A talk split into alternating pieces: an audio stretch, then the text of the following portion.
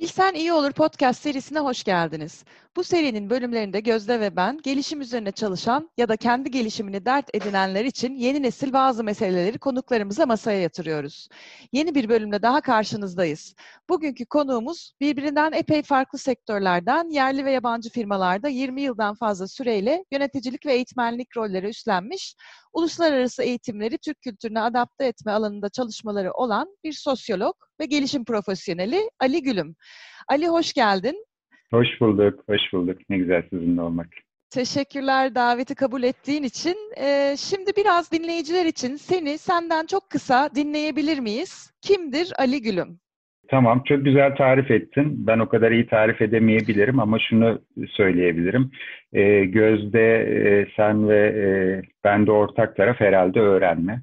Ee, öğrenmeyi de ben şöyle çok önemsiyorum yakın geleceğin aslında bugün konuşacağımız konuyla da ilgili yakın geleceğin olmazsa kesinlikle olmaz. Yani olmazsa olmaz yetmiyor artık. Olmazsa kesinlikle olmaz bir becerisi.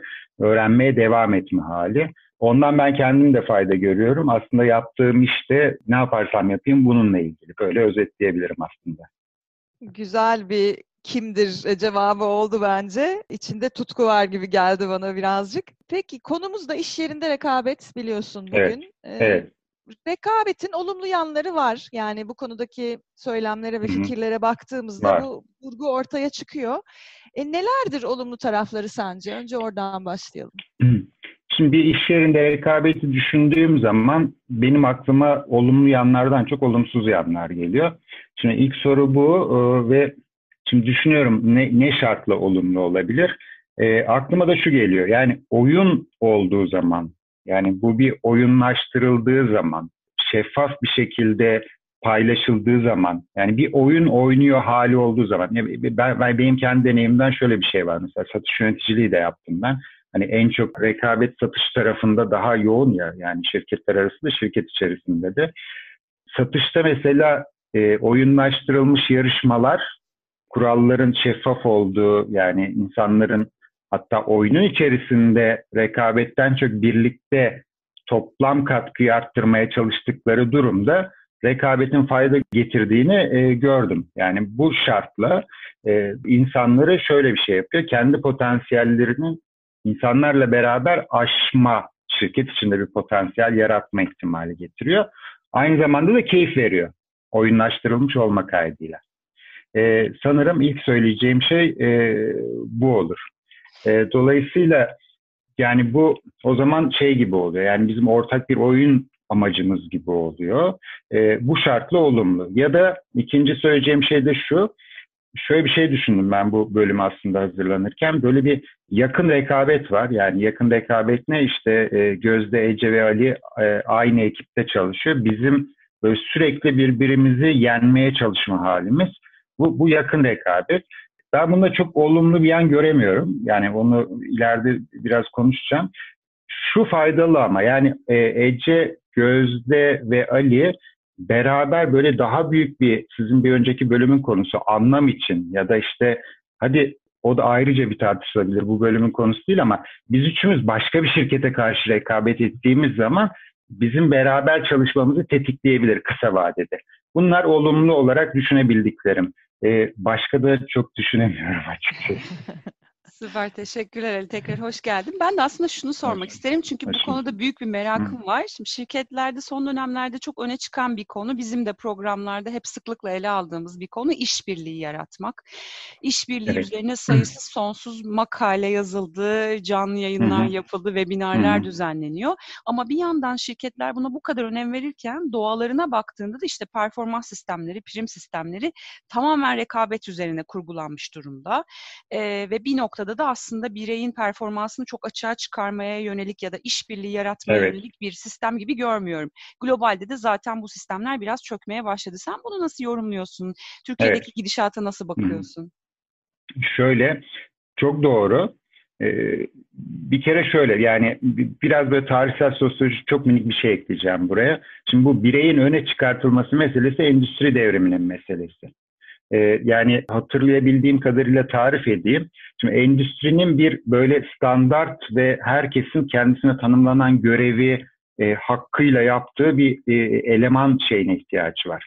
O yüzden de e, işte birey başarılı olsun, işte birey kendisine tanımlanan şeyi yapsın, başkalarıyla çalışması yani şey koordine çalışmasına gerek yok. Kendi payına düşeni yapsın e, yetiyordu. Yani işte 1920'lerden 30'lardan Amerika'da şöyle yazılar var.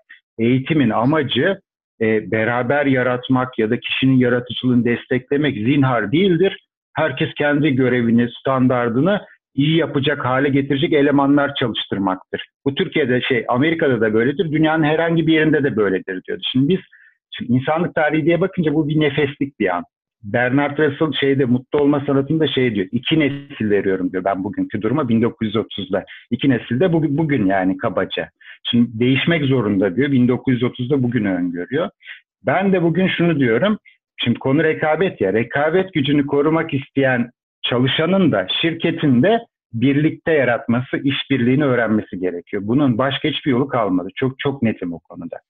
Çünkü şöyle çok zor ya mesela işte 10 sene önce şu laf çok vardı ortada 10 sene 15 sene önce kar marjları çok düştü. Yani işte ben iş hayatına 96'da girdiğimde yani ayıptır söylemesi yüzde yirmi yirmi beş kar acaba yapabilir miyiz diye konuşuyorduk. O böyle düştü düştü düştü. Hani şimdi, şimdi insanlar acaba yüzde bir iki zarar etmesek falan gibi konuşmalar oldu. Şimdi buna şöyle bakabiliriz. Ee, işte yani bir şişe enerjim var benim her sabah. Bu bir şişe enerji işte biz 3 kişiysek bir şirkette ya da işte 30 kişiysek e, bizim 30 şişe enerjiye şirketin rekabet gücünü korumak için ihtiyacımız var. Ama biz bu 30 şişenin 15 şişesini birbirimizle didişerek harcıyorsak ya da kendi bireysel çıkarımız için harcıyorsak o zaman şirket de ben de rekabet gücünü kaybetmiş oluyorum. Hiç, hiç şeyi yok yani anlamı yok ki. Bir de keyifli bir şey değil yani ben niye sizle savaşayım ki? O kadar saçma ki böyle düşününce anlamsız bir şey oluyor. Yani bir kazanmak benim niye amacım olsun? Yani bir, bir birlikte daha güzelini üretmek şeye gel biraz daha gerçekçi tarafa geleceğim. Şimdi bizim son yıllarda başarılı gördüğümüz şirketlere bakalım. Hemen hepsinde bu işbirliği çok hani şeffaflık işbirliğini destekliyor. Hani e, bunları çözmüş, çözmekte olan şirketler açıkçası. Nasılını sana zaten ilerleyen, olarak. kesin çok güzel cevap oldu. Nasılını ilerleyen dakikalarda soracağım tamam. gibi hissediyorum. Var. Ne güzel. Evet, ben de şunu düşündüm. Şimdi biyolojide de bir tanımı var rekabetin. Ben de biraz araştırırken o dikkatimi çekmişti. Ee, aslında kıt kaynaklardan dolayı oluşan bir şey diye tanımlıyor. Biyolojide organizmaların ya üremek için ya büyümek için ya da hayatta kalmak için kaynaklara erişiminde kıt kaynak ya da kaynağa eşit şekilde erişememekten dolayı oluşan bir durum diyor rekabeti ve biyolojide e, yıpratıcı, e, yıkıcı yani zarar verici bir şekilde oluşuyor e, ulaşamayanın e, elendiği şekilde. E, şimdi senin demin söylediğinde bana biraz bunu düşündürdü sanki e, şirket içinde de ya da pozisyonlar bazında ya da faydalar bazında kıt bazı durumlar olduğunda kendiliğinden oluşuyor olabilir Doğru. galiba. Olabilir. Olabilir. Olabilir. Yani ben e, bir şey, bir minik blog yazısı yazmışım. Orada birkaç tane sebep aslında tanımlamışım. E, yani ne oluyor? Savunma ihtiyacı. Yani kıt kaynak var. Bu kaynak bana yetmeyecek e, gibi. Ya da saldırı altında hissediyor. Ne işte yönetici tarafından saldırı altında hissediyor. Ya da e, işte baktığımız zaman ne oluyor? İşte ee, ben A üniversitesindeyim. Sonra B üniversitesinden biri işe alınıyor. B üniversitesi insanların algısında daha iyi bir üniversite. Ha şimdi o, o benden hızlı terfi eder. Bak beni geçer mi? Acaba ona benden fazla maaş bunların hepsi aslında kaynak yani. Hani şirketin kaynağı benden az mı maaş alıyor, çok mu maaş alıyor? Ya da kaybetme korkusu. Yani o e, hani işte ya, ya işimi kaybedersem eşlik ediyor ya da güvensizlik hissi şirkete karşı. Yani şirket benim çıkar yani pandemide ne kadar yani bence çok ayyuka çıktı ben hani işte koştuk görüşmelerinde en sık tekrar eden şey çalışanlarda tamam mı? Yani ben ne biçim bir şirkette çalışıyormuşum? Niye? Çünkü o güveni sağlamak için hiçbir şey yapmayan şirketler var. Onlar çok zor durumda bence bugün. Senin dediğin kıt kaynak gibi tamam mı? Şirket diyor ki Aa, kaynak kıt bütün kaynağı ben kullanacağım. Güzel kişi ya da patron fark etmiyor yani gerçekten. Çalışanı şey yaptı. O zaman çalışanda da güvensizlik hissi oluyor. O zaman da kalmayı tercih ediyorsa yani zorunda hissediyorsa bu defa içeride rekabet etmeye başlıyor. Aynı o. Yani bakın hepsi negatif his bunların. Hiçbir pozitif değil. Ama işbirliği gözlerinin sorusuyla birleştireyim. Tam tersine bu, bugün ben o kıt kaynaktan dolayı zaten beraber çalışmam lazım ki tüzel kişilik de kurtulsun ben de kurtulayım. Bunun başka bir yolu yok yani. Hani yani gerçekçi olursak baya baya bir şirketin yaşama şansı kalmayacak. Yani senin içinde bulunduğun şirketin ve senin yaşama şansın olmak için kaynağı arttırmak için enerjini harcaman lazım. Başka hiçbir yolu bence kalmadı yani. Kesinlikle. Ben aslında ikinize bir de şu soruyu da sormak istiyorum bu anlamda. E, zihnime takılan bir şey var. Biz ne ara bu hale geldik? Şimdi bu soruya da nereden hmm. geldim? Şimdi doğa, doğaya bakıyorum doğada rekabet diye bir kavram yok. Yani hayatta kalma Hı-hı. güdüsü var. İşte aman onun çiçeğinin Hı-hı. üstüne ben geleyim, bu ağacı birazcık daha daha geçeyim diye bir şey yaşamıyoruz. Bu insanın biraz doğasından kaynaklanıyor. Ben hani koşuklarda da görüyorum. En rekabetçi değil ama işbirlikçi yetkinliği çok gelişmiş dediğin insan bile kaç para maaş alıyor sorusunu günün bir noktasında soruyor. Dün evet. içselleştirilmiş kapitalizmle ilgili bir şey okudum. İnsanın kendi değerini evet. başarıyla Hı-hı. tanımlaması e, kendi değerini işte aldığı parayla ya da maddi imkanlarıyla tanımlaması biraz böyle hani şu anda günümüzde yaşadığımız çok Hı-hı. hoşumuza gitmese de kendi içimizde bile bazen gördüğümüz bir kavram. Ne ara bu hale geldik Ali yani? Ben Ece belki sana Hı-hı. da sormalıyım. Ne oldu da böyle olduk yani? Şirket işbirliğine yönlendiriyor belki. insan doğası gereği oradan çıkıyor gibi de geliyor biraz bana. Doğru. Doğru. Ee, yani bayağı bence hani felsefik bir tarz. Cevabı bende yok. Ee, gördüm dün paylaşımı. Bayağı da düşündürücü bir paylaşım. Gerçekten şey gibi bir iş yerindeki başarıyı biz kendi hayat başarımızla birleştirmeye falan başladık. Doğayı unuttuk. Ben böyle çok doğa hassas hale geldim son birkaç senede. Pandemide herkes de konuşmaya başladı. Doğa gerçekten söylüyor. Yani beden biliyor hani öyle bakarsan yani ne, neyin senin sağlıklı olduğunu biliyor ama biz dinlememeye başladık galiba. Ya da bilmiyorum hani bizim nesilde bir şey gibi yani iş hayat amacımız sanki iyi bir üniversite kazanmak sonra iyi bir şirkete girmek e, koçluk eğitiminde bir alıştırma yaptırmışlardı böyle dönem dönem hayatını şey yap diye. Bayağı böyle kabak gibi görünüyor tamam mı? İşte birinci hayat amacım 20 yaşına kadar iyi üniversiteye girmek İkinci hayat amacım işte iyi bir şirkete girmek. Üçüncü hayat amacım o şirkette üst düzey yönetici olmak. Ya bu nasıl bir hayat amacı? Yani bugün baktığım yerden. Ol, içselleştiriyorsan yani başarı seni tetikleyen bir şeyse yani o kadar insanla çalışmak istiyorsan şahane bir şey ama e, ne zaman oldu? Böyle bir yanılsamaya kapıldık. Bu rekabetin iyi bir şey getirebileceği ya da işte sürdürülebilir olacağı yanılgısına kapıldık belki. E, bugün de bence çöküyor onlar. Ciddi işaretleri var. Orada da yani bence şunu tartışacağız çok yakın zamanda. Mesela işbirliğinin de hakikisi var, sahtesi var. Yani gerçekten yani hak, yani e, şimdi mış gibi yapma yani biz hepimiz eğitim tarafındayız. Eğitim bence en güzel tarif ed- en güzel görünen yeri. Yani e, bazı şirketler eğitimi listede tik atmak için alıyor. Yani o yüzden biz Aralık ayında bir sürü talep geliyor. Niye? Çünkü efendim bu sene bütçeyi kullanamazsak seneye de kullanamayacağız. Ya kullanma lazım değildir belki. Aralık ayında kadar kullanma gereği hissetmediysen belki o eğitim lazım değildir. Anlatabiliyor muyum? Yani ne anlamı var? Şimdi bu işbirliğinde de öyle. İşbirliği işte e, kimseyi dinlemeyen bir yönetici işbirliği adına zorla insanları ayda bir yemeğe götürüyor mesela şimdi. Ha, orada bile rekabet var yani. Ne kadar işbirlikçi olursun da, da başkası başka yöneticiden daha iyi bir hale gelirsin. Tabii. Yani o şeyi de yani ben insanların e, koçlukta bunu belki iki sene önce, üç sene önce de öyle söylerdim ama daha çok koçluk yaptıkça daha net anlıyorum. Ya kimse kimseyi kandıramıyor tamam? Herkes hissedebiliyor. Kimin samimi, kimin bu bakın bu insan kaynaklarını değerlendirirken de hissediyor, yöneticilerini değerlendirirken de hissediyor, çalışma arkadaşını hissediyor, tanımlayamayabilir. Ben satış eğitimlerinde şey derdim ya samimi değilsen müşteri onu hisseder ama müşterim büyük bir ihtimalle psikolog olmayacak ve bunu değerlendirmeyecek. Bir dakika yani işte acaba Ali beni kandırıyor mu, kandırmıyor mu diye bir şey düşünmeyecek ama hissedecek. Beyninde bir yerde kırmızı bir dakika seni bir, burada bir terslik var diyecek ya almayacak ya alırsa da pişman olacak. İşte bir, bir daha gelmeyecek bilmem ne olacak falan filan. Bunlar geldi aklıma. Ee, ben gene şey söyleyeceğim. Yani evet o hale geldik ama e, neyin anlamlı olduğunu daha çok insan daha çok düşünmeye başladı. Yani ben değişime, yani bir sene önce biz bu kaydı yapsak ben rekabet ve işbirliği çelişkisine, işbirliğine doğru gitme zorunluluğunda aynı şeyleri söylerdim. E, ben pandemiye biraz enteresan bir şekilde olumlu tarafından bakabiliyorum. O kadar hızlandırdı ki, o kadar hızlandırdı. Gene eğitimden örnek vereyim. Yani benim böyle saçma dediğim bir, bir sürü eğitim vardı. Kimse artık onları konuşmuyor. Çok mutluyum.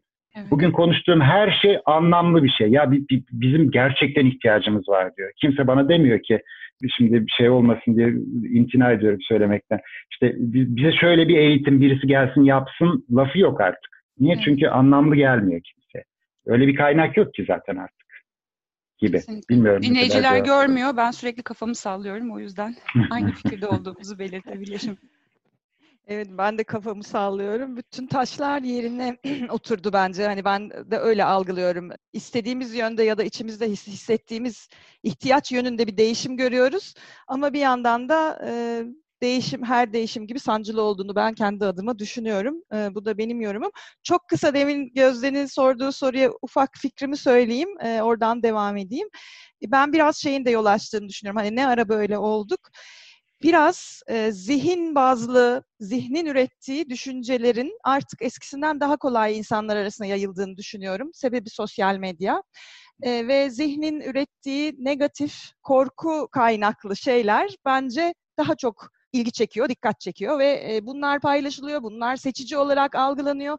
Bu kadar hızlı ve çok sayıda birbirimizin fikrini e, paylaşabildiğimiz, görebildiğimiz ortamlarda da bu eko yapıp büyüdü gibi geliyor bana. Kazan kazan fikri vardır ama ona e, bir anlamak için düşünmek, üstüne çalışmak gerekiyor. Bunun bir şekilde moda edilmesi, bu yönde çalışılması gerekiyor gibi geliyor bana. Bu benim Doğru. küçük kişisel Doğru. cevabım. E, şimdi demin gelinen noktada aklıma biraz nasıl kısmı geldi. Gözde belki sen soracaktın ama burada ben rolü devralayayım o zaman. Diyelim bir iş yerinde rekabetin olumsuz etkileri var. E, bu en çok sence nereden anlaşılır? Ve yetki sahibi birileri bunu engellemek isterse, olumsuz etkileri gidermek isterse ne yapmalı dersin? Tamam. Şimdi e, yani liderin rolüyle ilgili çok çalışılmış. E, ben yakın zamanda birlikte yaratma ile ilgili e, biraz bayağı bir okuma yaptım. Bir makale yazmam gerekiyordu çünkü. Çok da keyifle yaptım. Lider şimdi en merkezi konum ya hani işte az önce de konuştuk hani birey öncelikli. Dolayısıyla bizim algımız e, şeyde nasıl diyeyim lider ya da kahraman bir tane CEO gelecek, şirketi kurtaracak mesela şirket bağlamında. Şimdi bu böyle algılandığı için de en çok liderle ilgili çalışılmış. Şimdi o yüzden ben de bu soruya cevap verirken liderin rolüyle başlayacağım. Bir kere lider çok kritik. Çünkü o algımızın değişmesi zaman alacak. E, lider birlikteliği ne kadar teşvik ediyor, ne kadar oyunun bir parçası. Yani oyunun şeyi gibi değil ne kadar yani kendi derdinde aslında çok şey vardır ya işte çok referans verilir, çok da konuşulur. Çok da güzel bir kitaptır. Jim Collins'in Good to Great'te aslında iki tip lider var. İşte bir tane bireyi öne çıkaran, bir tane de çok ortada görünmeyen ekibiyle beraber hareket eden.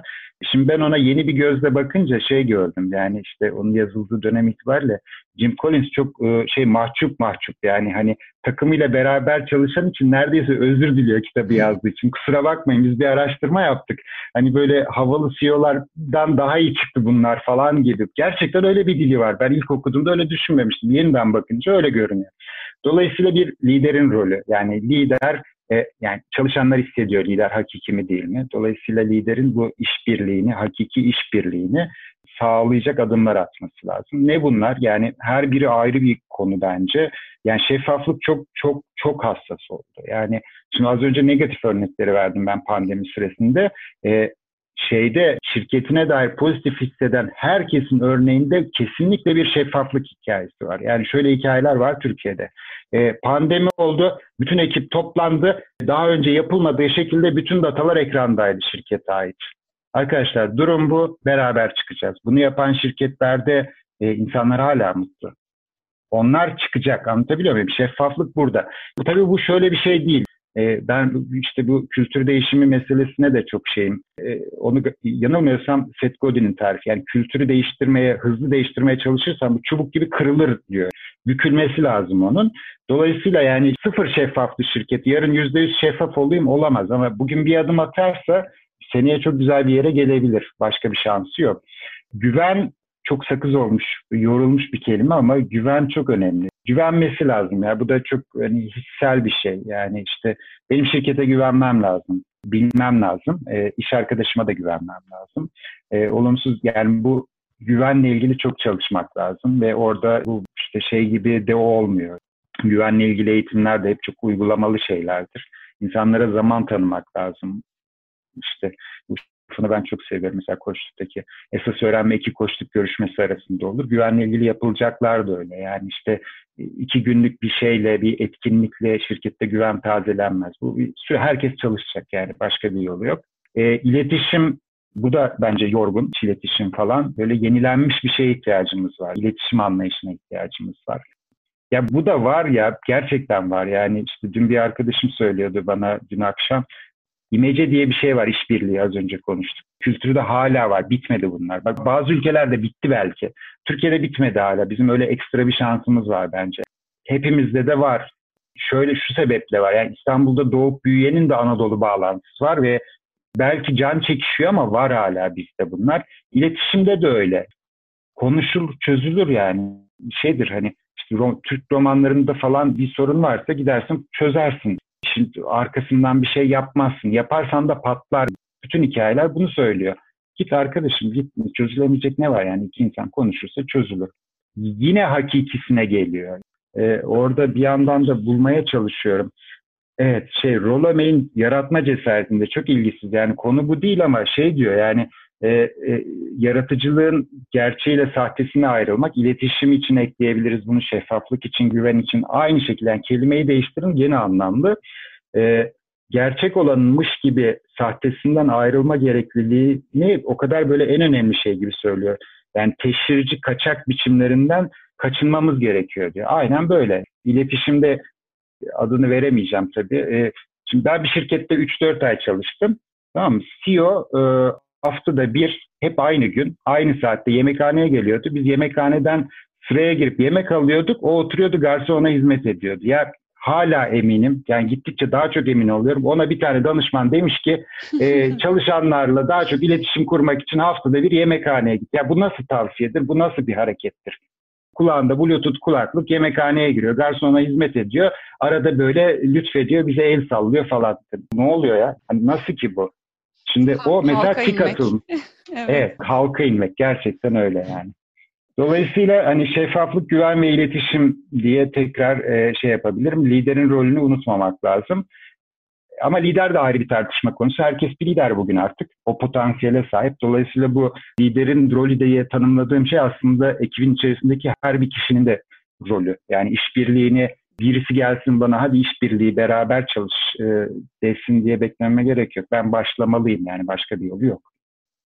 Ben bu noktada bir hemen böyle genelde bölümlerin Hı. tamamında sorduğum bir soruya doğru gelmek istiyorum. Benim bir oğlum var 7 aylık ve pedagoji Hı. okusun okumasın, yetişkin evet, eğitimiyle ilgilensin. Çok teşekkürler. Yetişkin eğitimin içerisinde olsun olmasın bulduğum herkese e, genelde bu soruyu soruyorum. Şimdi e, işbirliği meselesini aslında eğitim sistemin içerisinde çocuklar eğitime katıldığı andan itibaren desteklemiyoruz. Yani sınavlara Hı. baktığında ya da eğitim sistemin içerisine evet. baktığında epey rekabet odaklı e, gibi görünüyor görünüyor. Sen ne önerirsin bu konuda e, çalışanlara? Böyle bir evet yani pedagoji çok ayrı bir alan ama e, çok daha küçük yaştan itibaren bunu bir değer haline getirmeyi düşünen ebeveynlere hı hı. ya da e, yöneticilere neyi e, önerirsin? Ne yapsak sence baştan iyi olur? Gözlem sadece söyleyebiliyorum. Benim çocuğum yok çocuğunu iyi yetiştiriyor diye gözlemlediğim insanlarda mesela gerçekten böyle beraber bir şey yapmayı çok görüyorum. Yani işte böyle Instagramlarında beraber yemek yapıyorlar. İşte böyle bir çocuk fotoğrafı, çocuk bir şey yaratmakla uğraşıyor. Belli ki beraber yapılan bir şey. Bence o çok önemli yani. Hani e, yani çocuklarda doğal olarak var zaten. Sonradan belki ölüyor. Bu şey ben, e, Simon Sinek'in son kitabı Sonsuz Oyun. Onun e, ilham kaynağı kendisi de yazıyor kitapta. James Cars 85'te yazmış galiba. Sonlu oyun, sonsuz oyun. James Cast da sonsuz oyunu anlatırken şey diyor, çocuk evcilik oynarken diyor, bunun bir sonu var mı yok mu, nereye varacak? Amaç oyun oynamak, kazanmak değil diyor. Şimdi senin söylediğin o sınav falan hep sınavı kazanıyor. Sınavı kazanınca ne olacak yani hani bu gerçek hayatta ne işime yarayacak diye de bir topyekun bizim jenerasyonun itirazı var yani o itiraz da devam ediyor. Çocukta bu var yani öldürmesek yeter derim herhalde. Bu kadar basit. Ee, şeyde ben lise ve üniversite seviyesinde gönüllü eğitimler veriyorum, atölyeler yapıyorum. orada da şey gibi oluyor. Mesela beraber yaratmayla ilgili herhangi bir görev verdiğinde gerçekten şaşırıyor. İlk tepki şaşırmaya. Nasıl ya? Niye ben yapardım? Hani e, ama hemen toparlanıyor. Hemen hatırlıyorlar. İşte geç olmadan e, onu kur saklamak lazım diye düşünüyorum. Bakın var yani kazanmak lazım demiyorum. Saklamak lazım. Çok kıymetli bir şey söyledin. Çok güzel. Benim son aklımda kalan bir boyut var onu sorgulamadan geçemeyeceğim. Şimdi kişilik profilleri de var malum. Bir görüşe göre e, bunlar çok da ge- bilimsel değil, gerçek değil. Bir görüşe göre gayet ölçülebilir, bilimsel vesaire ama eğilimlerimiz, mizaçlarımız var. E, kimi insanlar biraz rekabetten besleniyor, kendini geliştiriyor, motive oluyor. Performans için motive motivasyon elde ediyor. Kimi hı hı. insanlar da daha işbirliği ortamını bulduğunda yine performansını artırıyor, motive oluyor. E, Ben kendi Tamam. adıma kendimi zaman zaman her iki uçta da buluyorum. Çoğunlukla tek bir uçtayım ama ara ara öbür tarafı da deneyimliyorum. E şimdi bu iki profil için acaba iş yerinde rekabette Hı hı, hı ne hı. yapsalar? Yani rekabetle kendini iyileştiren, iyi performans gösteren biri bu aradığı rekabeti bulamazsa acaba ne yapabilir? Bir de tam tersi taraftan yani işbirlikçi olan bir yapı e, biraz fazla rekabetçi iş arkadaşlarıyla birlikte çalışıyorsa ne yapabilir sence? Şimdi şöyle, e, aşinayım. Seslerden bir tanesinde de akredite eğitmen olduğum için bayağı da kullandım. Yani orada bir kritik şey var. Yani ilk başta şey gibi oluyor böyle burca inan işte burçsuz kalma fala inan falan gibi oluyor ama öyle değil. Ben hala yani bugün çok şüphe olmasına rağmen onun hala kullanışlı bir araç olduğuna inanıyorum. Ama şu şartla yani ne yapacaksın bu araçla?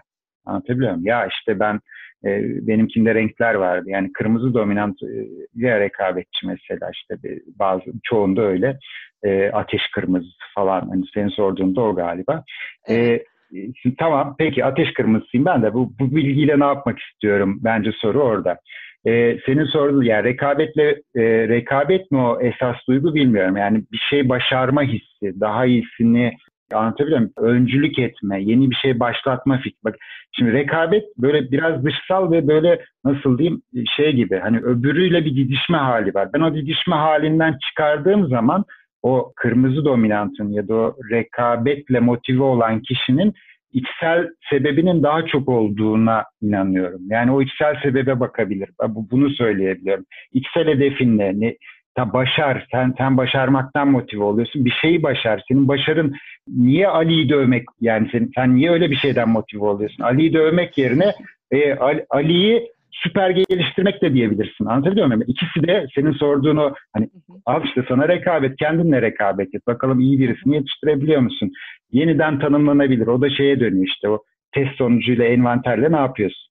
Anladın mı? Ya ben rekabetçiymişim, şimdi geleceğim herkesi döveceğim, ben böyle besleniyormuşum. Allah Allah yani. Ee, çok çok yanlış kullanıldığı için yani bu soruyu çok önemsiyorum. Hala Türkiye'de envanterler bence yanlış kullanılıyor. Sen böylesin diye etiketleme aracı gibi kullanılıyor. Etiket değil o ya. Bu, bu böyle bir bilgi var. Bu senin eğilimin. Bununla ilgili bir şey yapmazsan hiçbir şey olmaz.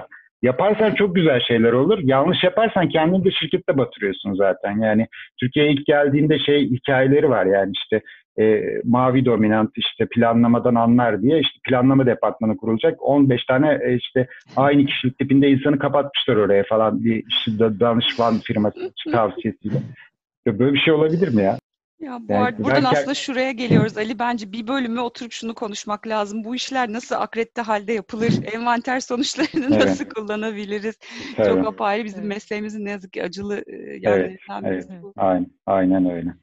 Öğreniyoruz arkadaşlar. Araya girdim pardon. E, deneme yanılmalarla öğreniyoruz işte. Evet, öğrenmeye devam ettiğimiz sürece çözeriz Evet. bence de. E, Ali sence neyi bilsek iyi olur? Bizim bu bölümümüzün önemli bir bölümü burası. Senden de duymak isteriz bunu. Madde madde söyleyeceğim. Detaylarını konuştuk diye düşünüyorum. Birincisi iş arkadaşını sev, sevmek zorundasın. Başka bir seçeneğin yok. Sevdikten sonra geri kalan o işbirliği, güven onlar hepsi gelir. Sevmek zorundayız. İkincisi de şu, söyledik tekrar etmekte fayda var. Rekabet gücünü koruyabilmek için çalışanın da şirketin de yakın çevresiyle beraber yaratmak zorunda, işbirliği kurmak zorunda. Yani böyle hani rekabet zararlı konuştuk ama rekabet etmek istiyorsan da birlikte yaratmak zorundasın. Çok net. Ağzına sağlık. Çok teşekkür ederiz Ali. Ben Çok teşekkür ederim. teşekkürler. Çok sağ olun. Çok güzel oldu. Hoşçakal.